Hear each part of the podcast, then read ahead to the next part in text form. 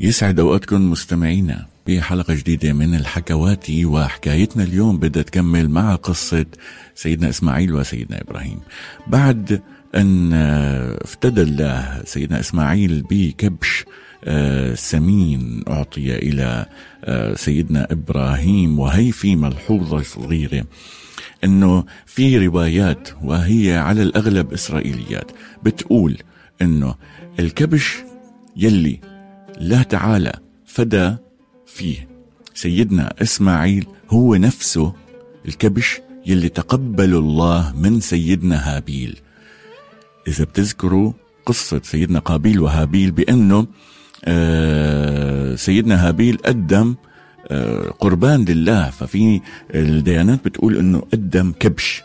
من من أغنى أو من اسمن الكبش الموجودة عنده سيدنا هابيل. فالله تعالى اخذوا وتقبلوا أخذ نزلت نار أخذته وبتقول الديانات بأنه هذا الكبش كان يرعى في الجنة طيلة هي الفترة لحتى وصل لسيدنا إسماعيل لحتى نزل وافتداه الكبش لسيدنا إسماعيل.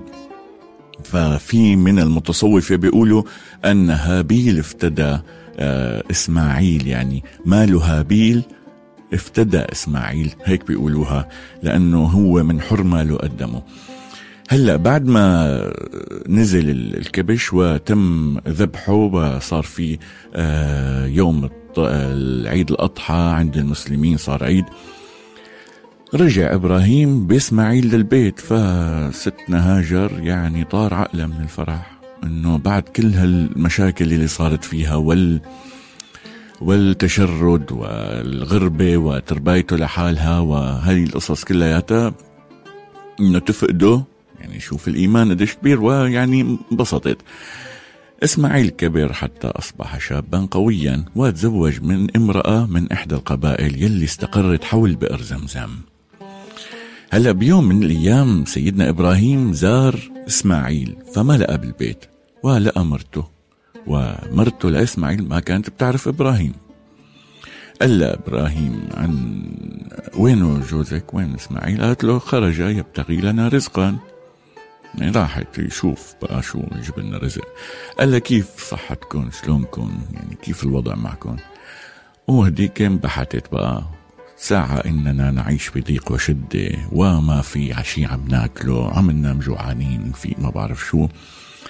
المهم يعني آه، ما خلت ولا بقت. ف يعني قال إبراهيم قال بس يرجع إسماعيل بالله من بعد إذنك. قلي له إنه آه، يغير عتبة الباب. فلما رجع إسماعيل قال لمرته إجا هل زارنا أحد اليوم؟ قالت له إيه والله إجا شيخ هيك مواصفاته كذا قال شو قال لك؟ قالت له سألني عنك وقال عن حالتنا كيف عايشين وهيك. قال له إيه؟ شو قلتي له؟ قام قالت له والله قلنا له يعني وصفت له الحالة قلنا له مشحرين معترين ما عم نلاقي ناكل قام قال لها إسماعيل قال لها شو وصاكي بالله؟ وصاكي بشي؟ حط شي رسالة قال لك شي كلمة هيك توصلي لي إياها. قامت قالت له إيه والله. قال لي قولي لجوزك لما بيرجع يعني.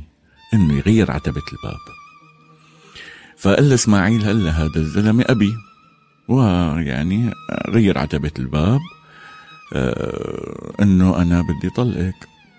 فالحقي بأهلك يعني روح لعند أهلك وطلقها وتزوج بغير مرت فترة من الزمن وعاد إبراهيم لزيارة ابنه فما لقى ولقى المرأة تبعت المرته الثانية يعني هي.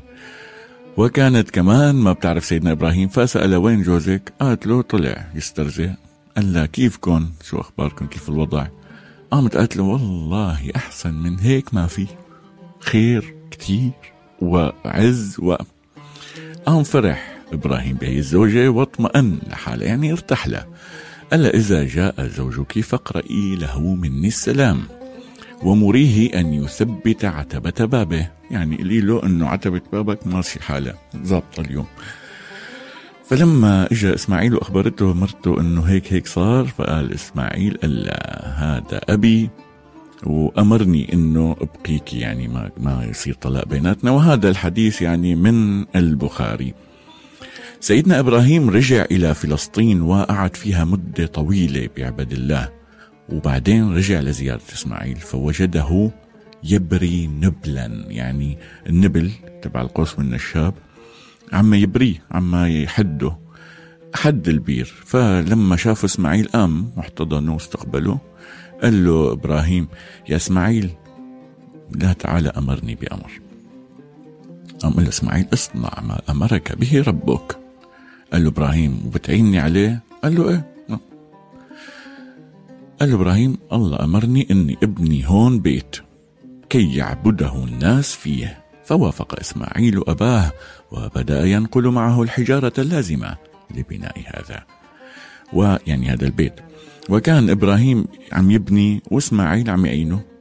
حتى ما وقت ارتفع البناء واكتمل جاء سيدنا جبريل بحجر من الجنة. وأعطاه لإبراهيم ليضعه في الكعبة وهو ما سمي بالحجر الأسود. الرواية الثانية بتقول بأنه سيدنا إبراهيم نقص منه الحجارة فبعت ورا سيدنا إسماعيل قال له روح لي حجر بيحط بهالمكان فسيدنا إسماعيل راح ورجع بحجر قال له أعطاني إياه رجلا ليس منا وليس من لغتنا وأعطاني إياه ولا يبدو أنه هذا الحجر من الأرض. هي القصة اللي حكيناها أه بعد ما انتهى سيدنا إبراهيم وإسماعيل عليهما السلام من بناء الكعبة وقفوا وقرأوا الدعاء لحتى يقوم آه الله ب آه أو حتى يتقبل الله تعالى آه البيت ويكون آه ملجأ ومركز عبادة للمسلمين أو قبلة للعبادة المسلمين. هلأ إسماعيل كان رسول القبائل يلي سكنت واستقرت حول بئر زمزم. والله تعالى أوحى لسيدنا إسماعيل. قولوا آمنا بالله وما أنزل إلينا وما أنزل إلى إبراهيم وإسماعيل وإسحاق ويعقوب والأسباط وما أوتي موسى وعيسى والنبيون من ربهم.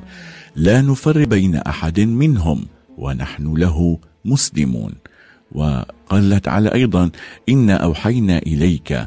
لا إلى سيدنا محمد كما أوحينا إلى نوح والنبيين من بعده وأوحينا إلى إبراهيم وإسماعيل وإسحاق ويعقوب والأسباط.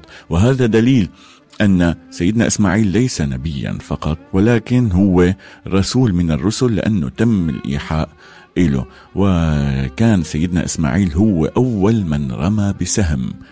يعني اللي اخترع السهم هو سيدنا إسماعيل الأص والنشاب يعني هذا اللي بنعرفه. إسماعيل عليه السلام أو خلينا نقول قبله كان النبي صلى الله عليه وسلم يشجع الشباب على الرمي بالسهام ويقول إرموا بني إسماعيل فإن أباكم كان راميا. والحديث في البخاري.